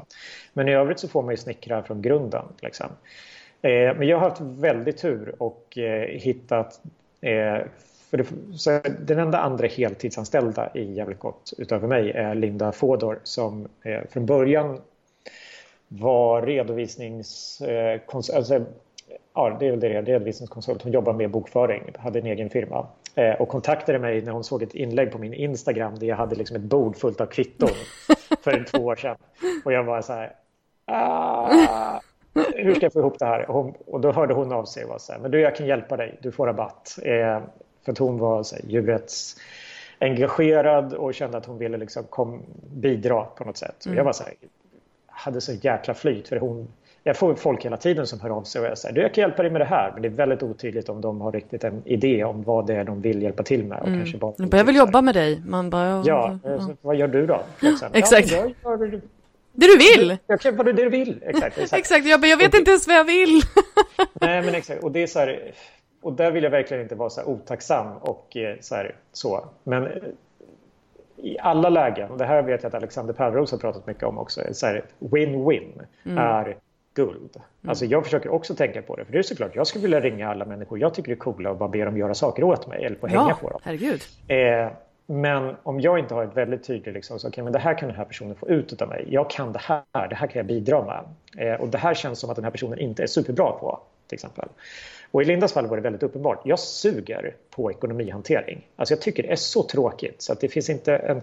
Eh, och jag kunde dessutom ingenting om det så jag hade gjort hälften fel. Eh, så att hon gick in, styrde upp en massa och hjälpte mig från 2016 vintern 2016 in under 2017 med min ekonomi och sen så visade hon sig vara liksom allmänt vettig och uppstyrd och bra på att göra saker. Så att hon började komma in mer och mer och projektleda små grejer. Liksom. Och sen då, eh, när var det, februari 2018 så kom hon in på heltid. Eh, för då gjorde vi liksom en satsning på att vi, nu ska vi börja med kurser lite mer, göra lite mer event och då behöver vi en projektledare också. Och då började det också bli betydligt mycket mer ekonomihantering så att eh, det, det var en, liksom, en ekonomiskt rimlig lösning. Så att idag så sköter hon all praktisk projektledning kring alla våra utbildningsverksamheter. Hon gör all min ekonomi och eh, eh allskönt däremellan. Liksom. Så att hon är då liksom, vad ska man säga, så här, organisationssekreteraren, typ, i tidigare liksom värld. Liksom. Hon, bara, hon kan få hitta CFO, på sin egen, liksom. ja precis, hon får hitta på sin egen ja. fancy, fancy, fancy titel. Ja. Så det, det, är mer så projektledare och ekonomiansvarig, liksom, mm. lite så, vilket är jäkligt nice. Och sen har jag eh, en filmare som går på timmar, eh, mm. eh, som hjälper och filmar och klipper alla mina rörliga grejer. Eh, och sen nu sen årsskiftet så bytte jag agentur så nu har jag United Screens. Eh, och där har, jag, har vi tecknat ett större managementavtal. Så där har jag en agent som heter Amanda Lingman, Lingheim eh, som i stort sett sköter alla mina B2B-kontakter. Mm. Eh, föreläsningar, eh, företagsutbildningar, företagsevent och mediasamarbeten. Och de, de sköter också mitt grundläggande mediasälj. Eh, och so far verkar det funka superbra. Mm. Mycket nöjd. Mm. Eh, och sen så tittar vi just nu på att plocka in en redaktör på timmar också som ska hjälpa till att förpacka allt material som jag har. För jag har en jävla massa material som inte liksom som är extremt suboptimerat om man mm. säger så. För det är mm. jag som gör, jag skapar allting, jag skriver allting. Om ni ser någon text på jävligt gott så är jag som har skrivit det. Liksom. Jag är svarar alla mina kanaler och jag liksom men det innebär också att jag har inte tid med så mycket att hantera allt det här materialet. Alltså om du tittar, nu kanske ingen tänker på det, men jag ser extremt mycket potential i allting från nyhetsbrevet. Vi har ett nyhetsbrev med 9000 prenumeranter som jag liksom typ inte alls hanterar som jag borde göra. Eh, jag bara, ja, där, kattkista återigen. Ja, men typ. Eh, och eh, Facebook-sidan skulle man kunna göra jättemycket mer med. Mm. Man skulle kunna skapa mycket mer kurerade material. Typ så här, fem såser som du måste ha i sommar. Ah. På grej, gamla grejer som jag har. Mm. Eh, och också jobba med... Eh, för det, det, som är väldigt svårt, tycker jag, men det är mer jag som inte är så bra på det, är att väva in ett naturligt sälj i det hela. Liksom. För jag kan lätt liksom Okej, okay, men nu har vi en matlagningskurs. Vi pushar en gång i veckan för den. Liksom. Men när vi då har en matlagningskurs, vi har föreläsningar, vi har merchandise och vi har liksom hur, mm. och jag har dessutom samarbeten. Mm. Hur väver man in allt det här i samtalet med folk utan att det känns för up in your face? Mm. Och jag vill ju samtidigt att folk ska veta att det finns den här möjligheten att för dig som privatperson att stötta mig också genom att till exempel köpa den här t-shirten eller eh, bli en Patreon eller vad det nu kan vara. Mm. Eh, och inte kännas som att jag i varannan mening säger så här, typ blir en Joakim Lamotte som avslutar allting med Köp så här, swisha mig. Ja, precis. Köp min liksom. För det är inte det det handlar om, utan det handlar ju om att här, få till en, liksom, en, en balans i intäktsströmmarna mm. eh, och ge folk ett mervärde. Alltså mm. är tanken att liksom, den här t-shirten ska ju vara någonting som får folk att känna sig som liksom, så här, jag går ut och för ett budskap. Ja. Liksom. Eller om jag köper den här webbkursen så ska det vara fan jag lärde mig någonting. Mm. Och inte bara säga nu kommer Gustav att ta mina pengar. Liksom. Nej det blir ju inte um, riktigt optimalt. Nej, och det är svårt. Så där är tanken att det är nästa liksom, lilla område. Att, Men det är eh, jättespännande. Just det, just det här att, att redaktöra eh, på ett helt annat sätt och liksom skicka tillbaka. För jag känner ju samma sak. Alltså jag har bloggat i 17 år och det mitt nuvarande arkiv är åtminstone ja, 14 år gammalt. Det finns ju mm. hur mycket som helst där på alla möjliga ämnen ja. som man skulle kunna liksom lyfta upp igen. Jag sitter ibland och så bläddrar i mitt arkiv och bara shit, det här var ju skitbra text. Varför har jag inte liksom mm.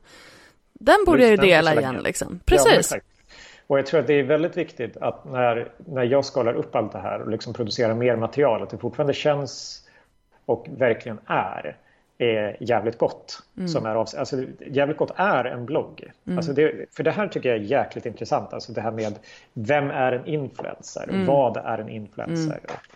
Därför att så, det finns en idé om att en, jävlig, en influencer det är en person som typ så här, fotar sig själv eller sin mat och liksom så här, skriver om det. det är så här, men det är så inte det som är grejen. Alltså jag skulle säga att det snarare handlar om att du använder ett personligt tilltal i din kommunikation. Liksom och sen så gör du väldigt mycket samma saker som väldigt många andra. Typ Fredrik Strage, absolut en influencer. Donald Trump, absolut en influencer. Steve Jobs, eh, alltså den typen av... Det är exakt samma grej. Du bygger ett, ett var... Eller, som... Ett personligt varumärke. Eh, ja, men exakt. Eller som en person som var ute och kritiserade den här debattartikeln som eh, vi skrev Jan Guillou. Om Jan Guillou inte är en influencer så ska jag äta upp min högra sko. Liksom. Det är, han kallar sig inte det, men han gör Nej. exakt samma sak. Exakt. Han exakt. använder sitt personliga varumärke. Han är ju definitionen av det. Ja, ja han är en definition av influencer. Ja. Mm. Vad är det som skiljer honom och Alexander Pärleros från varandra? Ingenting. Say. Alltså det enda, det enda som skiljer dem åt det är att Jan Guillou inte tjänar pengar på sina egna sociala kanaler direkt. Ja, exakt. Han, det, han det är skillnaden. i Aftonbladet och liksom Precis. liksom säljer böcker via eh, piratförlaget. Liksom. Men i övrigt så är det liksom Okej, okay, då är han en sämre influencer än Alexander Pärleros. Men han är fortfarande en influencer. Alltså, may I quote you.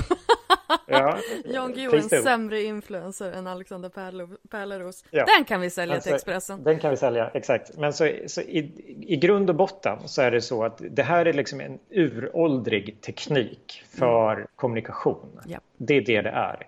Och sen handlar det om vad du fyller den med. Eh, det är det som är grejen. Liksom. Mm. Och nu minns jag inte riktigt vad min slutpoäng med den långa utläggningen var, men det är i alla fall en viktig sak att slå fast. uh, jag vill bara så här, vi vill prata lite grann, nu har vi pratat i över en timme och det är så sjukt intressant, jag skulle kunna prata en timme till. Uh, men jag, jag, vill prata lite grann om Patreon.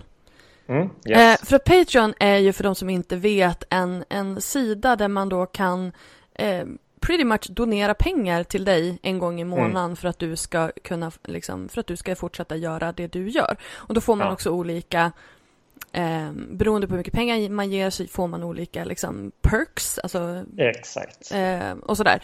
Men, men hur, hur har du tänkt kring, kring, kring din Patreon-strategi?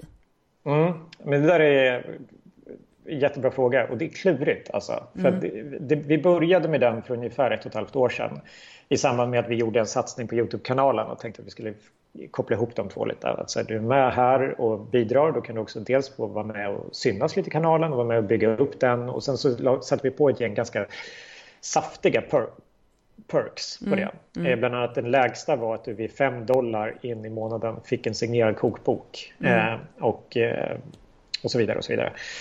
Eh, problemet, med, och då fick vi ihop ändå ganska mycket folk i början. Vi fick ihop nästan 250 Patreons och intäkter på över 1000 dollar i månaden. Eh, på bara två månader typ. Så det gick, Snyggt. Ja. Det gick jättebra. Eh, sen visade det sig att eh, de här perksen var svindyra. Alltså bara att skicka iväg en signerad kokbok i arbetstid, porto och eh, får man också räkna med att typ 20 försvann i posten. Mm. Eh, kostade oss nästan 300 spänn per bok, vilket var ett Oj. halvårs intäkter på de här Patreonsen. Ja. Eh, så där gick, blev det ganska snabbt uppenbart att så här, fan, vi går inte runt på det här. Nej. Det här är bara korkat. Eh, I alla fall den strukturen. Ge aldrig Så- bort fysiska saker. Nej, exakt. Alltså, det är nummer ett. Ge inte bort fysiska saker, för Nej. det är väldigt mycket jobb. Eh, och nummer två, så det jag också insåg sen var att eh, det är väldigt mycket jobb med att... Därför sen kan det vara lite så här att i Sverige så har vi inte traditionen utav att jobba på det här sättet Nej. riktigt. Vilket innebär att av, vad ska man säga, det informella avtalet Mm. mellan mina patreons och mig är lite klurigt. Ja. Liksom. För de betalar mig pengar så de förväntar sig saker. Exakt. Vilket är väldigt tydligt. Oavsett om de får någonting fysiskt eller inte så förväntar de sig saker. Mm. Eh, och då, för jag tänkte så här, men vad bra, men det här är lite så här gratis pengar in om vi gör det här och det här. Eh, not at all. Mm. Nope. För det här kräver underhållning. Liksom. Du måste vara där, du måste liksom catera till den här gruppen, du måste involvera dem i ganska mycket. Annars kommer en absolut, inte en absolut majoritet, men en tydlig del känna sig missnöjda med det Mm. Ja. de får. Även om dealen är mest så här, alltså du får en jävla massa saker. Och det här är din chans att ge tillbaka lite. Eh, Men, dealen det- från dem, det är ju att de vill ju ha mer access till dig. Ja, exakt. Så det, exakt. Så det måste man förstå, det är det du säljer. Ja. Och då måste du vara beredd att ge det. Ja. Eh, och i det här fallet, så för mig har det varit lite svårt, för jag gör så jävla mycket saker ändå. Så att om jag nu ska ännu en kanal där jag ska dela med mig om saker Mm. för då någonting som i praktiken i slutändan ändå inte är så jäkla mycket pengar. Mm. För det kan låta som ja, men 10 000 spänn i månaden, det är ganska mycket pengar. Mm. Alltså jag omsätter mer än så. Det, är, alltså, det är tyvärr inte en jättestor del av mina intäkter om jag inte jobbar ännu mer på det, marknadsför det ännu mer. Så att man måste se att Patreon är inte någonting som du kommer på toppen av allting annat som liksom icing on the cake. Patreon är en till intäktskälla som du måste kämpa för. Liksom. Så jag skulle rekommendera att om du gillar den typen av premium gruppstänk, att jobba med det. Liksom. Att det ser ett värde i att ha en sån och underhålla det. För, och det kan vara ett sätt att generera mer så kontrollerbara intäkter. För om du vet att du gör det så får du ut de pengarna. Liksom. Eh, men för mig så har det varit en svår balans mellan vad jag vill kommunicera specifikt till en liten grupp och vad som jag tycker är värt att kommunicera till fler. Liksom. Eh, så att jag har varit det har varit lite klurigt. Så just nu mitt engagemang i Patreon-gruppen är inte jättestort. Därför att jag har liksom här, dragit ner det lite och varit så här, men jag hinner inte göra så jäkla mycket. Och då har vissa valt att gå ur och sänka sina nivåer lite, vilket är helt okej, och vissa stannar kvar. Eh, och istället försöka rikta energin mot att liksom, för, för mig så blir det väldigt tydligt, alltså, eftersom att mitt huvudmål är att förändra världen. Ja.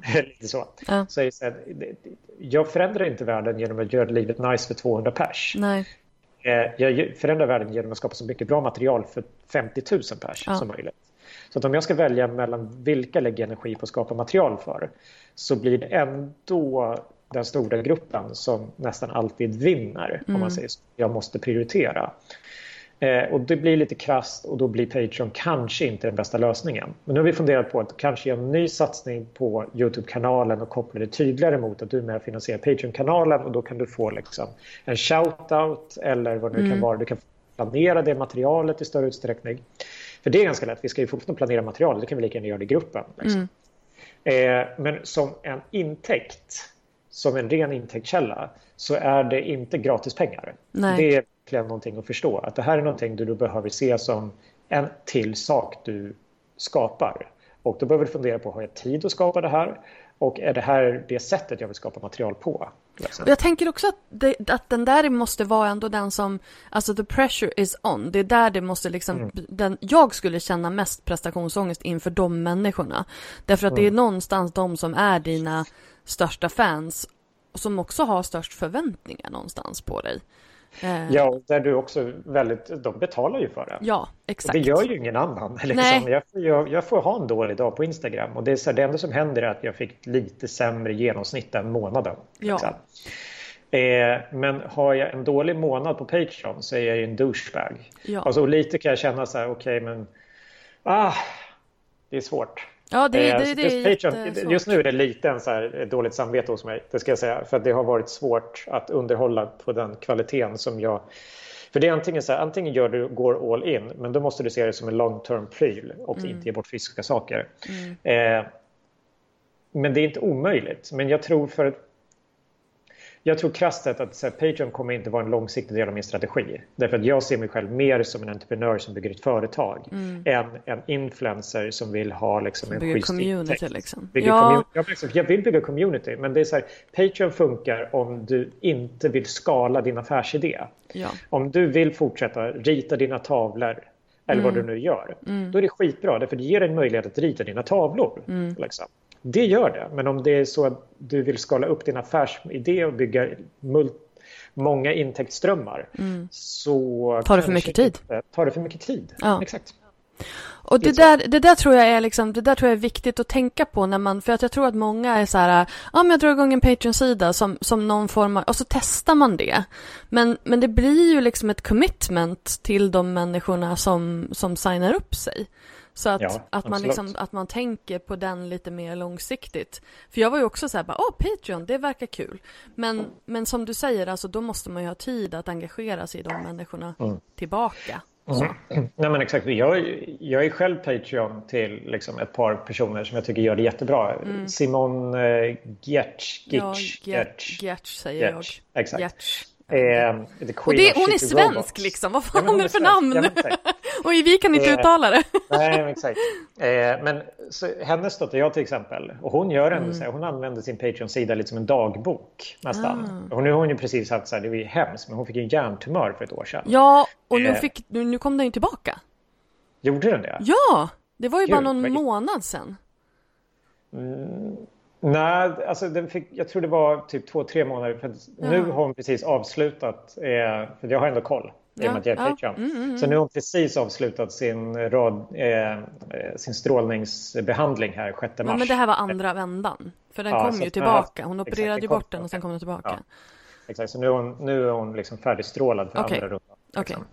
Eh, men... Härligt att vi fick liksom catch up lite ja, på hennes hälsonivå eh. Men så, så hon använder ju det som ett sätt att eh, göra väldigt så enkla saker. Men typ skriver nästan som en dagbok där. Ja. Och sen gör hon lite så här löjliga småprojekt. Typ. Så hon uppfann en robot som kunde typ skriva på, på ett pappersremsa jättedåligt. Och så klippte hon den här pappersremsan i typ tre, i tusen bitar och sen ja. så fick jag en liten sån hempostad. Nej men vad gulligt. På tal om fysiska saker. På tal om fysiska saker. Så fattar ni vad det kostar att skicka iväg tusen liksom, kuvert? Runt hela jorden också? Runt hela jorden. Så då är det ju uppenbarligen någonting som hon tjänar bra med pengar på och vill investera i. Ja. Liksom. Eh, men jag antar att hon också tjänar bra med pengar på det. För ja, det, gör jag det är också så här fördelen med att vara amerikansk influencer och inte svensk influencer. Där sköter jag mig själv i foten. Liksom. Du har fast jag känner ändå att du sköter det. Det, det, det. det, går ganska bra för dig ändå, känner jag. Här i Absolut. Sverige. Här i lilla Sverige. Eh, här i lilla Sverige. Och ska du ändå liksom rädda världen så då kanske du får ta det i steg fyra då, då i din liksom, strategi där? Nord, Norden, Tyskland och, och Storbritannien först. Ja, ja, men vad bra. Du, du, du har åtminstone tänkt på det. Det är liksom det är nästa steg. Det är såklart. Ja, men alltså vad fan, du har gjort det här på två år. Det är liksom, det är inga problem. Du, du tar ju Europa inom liksom. Ja, jag säger bara vänta bara tills vad, så ni får se vad som kommer i höst. Oh, så. vilken cliffhanger. Så det kommer mer. Kan du, ge, kan du ge oss en liten tease? Eh, låt oss säga att jag har stått i köket nonstop i ett halvår och eh, preppat inför eh, flera stora projekt. Oh, ja, då får vi hålla ögonen öppna. Eh, nu tänker jag att vi ska börja avsluta, men först vill jag ha dina tre bästa tips. Hur lyckas man som influencer slash entreprenör? Var, ha, liksom, var väldigt klar med vad du håller på med och var, varför du gör det du gör. Mm. Alltså skaffa dig, så här, var väldigt, om du inte kan formulera för dig själv vilket ditt intresse är och vad du bloggar om liksom, och varför det är intressant för någon så har du ett problem. Om du gör det bara för att det är kul det är kul men du kommer aldrig bli stor. Liksom. Du kommer aldrig få någon att känna sig här, verkligen passionerat intresserad av det du håller på med. Men om du själv har ett intresse som du är passionerat intresserad utav Eh, och det finns någonting i det som du kan dela med dig utav. Det kan vara att du är jävligt bra på att rita och du delar med dig av hur du liksom gör när du ritar saker. Eller det kan vara att du är som sagt är intresserad av att lära dig laga bättre vegomat och du tar med dig folk på din resa. Det är nummer ett. Ha det väldigt klart för dig. Eh, det andra är, har väl någon form av målbild klar för dig. Hur långt vill du? Vad vill du? Alltså, så här, är du nöjd med att bara liksom, få ut tillräckligt mycket för att liksom, få in lite extra cash, klirr i kassan, få göra det här och det är kul. Gå på lite mingel, bra. Men om du vill jobba med det då behöver du göra en annan filosofi. Och om du vill liksom bli stor så behöver du ha en tredje eh, approach. Men ingen av det är ju dåligt. Liksom. Eh, så att det är så här, om ditt mål är att gå på mingel och ha kul, gör det. Stressa inte skiten ur dig. Liksom. Vad gör det du behöver för att kunna göra det? Liksom. Men då gör du inte det som krävs för att bli stor. Jag går inte på mingel. Liksom. Jag hinner inte. Jag, jag, gjorde det förut för att lära mig känna folk. Nu hinner jag inte gå på mingel. Det är, jag går på extremt få mingel kan jag säga. Eh, Men det är en väldigt bra strategi från början för att nätverka. Ja, att mm. lära känna folk. Mm. Det är jätte, så det är verkligen så det ska man göra. Och det är mm. inte bara för att, för att, utan det har ju verkligen gett mig kollegor och vänner och kontakter. Liksom. Så var strategisk sen när du ska gå på, stor, när du går på mingel, när du vill bli stor. Liksom. Och det sista är väl typ så här, ha kul, ta ledigt, jobba inte ihjäl dig. Liksom. För att allting blir ett jobb. Verkligen, allting blir ett jobb. Alltså, så här, Visst, igår stod jag i köket och lagade sex måltider som jag sen fotade och nu ska renskriva. Det är så här, ja, det är också ett jobb. Liksom. Mm. Eh, eh, så jobba inte för mycket. Det är lätt att jobba skitmycket i det här jobbet. Liksom. För mig, det, det, är väldigt bra för mig att jag har familj och två barn. För att annars skulle jag bara jobba ihjäl mig. För att nu säger de till innan min kropp säger till. Liksom. Men det är lätt att gå in i väggen. Det är lätt att tröttna det är lätt att liksom typ säga upp kontakten med alla man känner och eh, gör inte det. Det blir, det blir inte bättre. Mm. Alltså det är så här, boka tid för gym eller träning regelbundet. Eh, träffa vänner. Jobba inte på kvällen om du inte måste. Liksom. Sätt ramar för dig själv. För när du har din hobby som ditt jobb och du får sjukt mycket bekräftelse för det. Alltså, det är inte lätt att hålla sig lugn och på mattan. Så jobba inte ihjäl dig. Liksom. För jag vet inte hur många jag känner som är så här, nu håller det inte längre, nu går det inte längre. Det är så här, mm. Ja, men det är för att du är 25, för göra det du älskar. Du får en jävla massa uppmärksamhet och du har ingen som håller dig tillbaka. Mm. Liksom. Det är inte konstigt att du bränner ut dig. Mm. Liksom. Så skaffa en partner som inte är bloggare, till exempel. Det hjälper. Eh, så att någon kan säga åt dig när du beter dig konstigt. Liksom. Skaffa... Okej, okay, det är kanske svårt att skaffa en till hobby. Jag ska vara helt ärlig. Det är inte jätteenkelt. Men träna då åtminstone. Träffa mm. polare. Mm. Gör någonting annat. Liksom. Gå ut i naturen och ta promenader. Mm. Liksom. Du måste inte... För jag är lite så här... Jag tycker att här, det är en jävla lyx att få jobba med sin hobby och det ska man få uppskatta. Men så här, vara rädd om din hobby då. Liksom. Mm. Så att du inte blir less på det. För blir det bara ett jobb, då blir det ju inte kul heller. Nej, exakt. Så mm. det är så här, jag är lite så här, nej jag tycker inte jag ska behöva skaffa mig en till hobby för att balansera det. Men jag måste ta hand om min hobby. Mm. Liksom. Lite så. Kan du skicka de där matlådorna från igår till mig? Så mm, tar jag, på det här, så äter jag upp dem. de blev nice. Jag gjorde eh, en bräserad tofubiff. Det blev riktigt nice. Oh, det ska ni få se sen. Nice. Eh, Men du, vart hittar man dig nu Gustav? Vart hittar man all, ja, all, all the fantasticness? Eh, jävligtgott.se eller javligtgott.se Eh, där hittar ni mig. Som, det är eh, hemvisten. hemvistan. Men nu för tiden är ju Instagram, skulle jag säga, minst lika mycket liksom, eh, det andra stora hjulet. Så det är snabla jävligt gott. Eh, ni hittar mig också på Facebook. Det har en ganska stor Facebook-sida. Eh, det är också jävligt gott. Och på Youtube, där det också är jävligt gott. Eh, Youtube-kanalen är väl lite så här... Eh, ja, nu har vi inte riktigt snackat om det, men det är ett nytt äventyr. Eh, jag har insett att jag är lite till skillnad från Instagram och Facebook, det jag verkligen var en del utav, där, där var jag med på tåget. Så på, på YouTube var jag inte med på tåget. du kom lite sent till jag, festen. Jag, kom lite för sent till festen och jag var lite gubbig. Liksom. Så jag fattar inte riktigt grejen i mycket av... Alltså är det dit man ska gå för att och liksom se nästa äventyr. Vi tar det nästa vända helt enkelt. Jag, tänkte, jag har en känsla av att det, det, kommer att finnas mer att prata med dig om längre fram. Eh, tack snälla för att du var med i podden, Gustav. Ja, tack för att jag fick eh, hålla låda. Det var kul. Wow, det kändes som att vi hade kunnat prata på i två timmar till. Så mycket roligheter och eh, smartheter att avkunna. Vad kommer du att ta med dig från det Gustav pratade om? Eh, glöm inte att skärmdumpa din poddapp, posta på Instagram stories och tagga mig på @lalinda och Gustav på @javligtgott och berätta vad var din främsta insikt från det här avsnittet? Länkarna till det vi pratade om i avsnittet hittar du i show notes på lalinda.se 89 lalinda.se 89 Tack för att du har lyssnat. Vi hörs nästa gång. Hej då!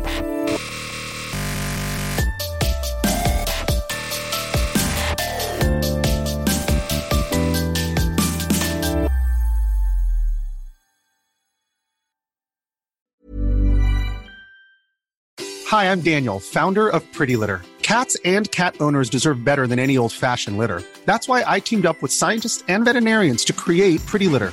Its innovative crystal formula has superior odor control and weighs up to 80% less than clay litter. Pretty Litter even monitors health by changing colors to help detect early signs of potential illness. It's the world's smartest kitty litter.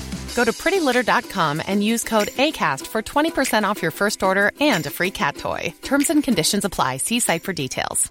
Mom deserves the best, and there's no better place to shop for Mother's Day than Whole Foods Market. They're your destination for unbeatable savings, from premium gifts to show-stopping flowers and irresistible desserts. Start by saving 33% with Prime on all body care and candles. Then get a 15-stem bunch of tulips for just $9.99 each with Prime. Round out Mom's menu with festive rosé, irresistible berry chantilly cake, and more special treats. Come celebrate Mother's Day at Whole Foods Market.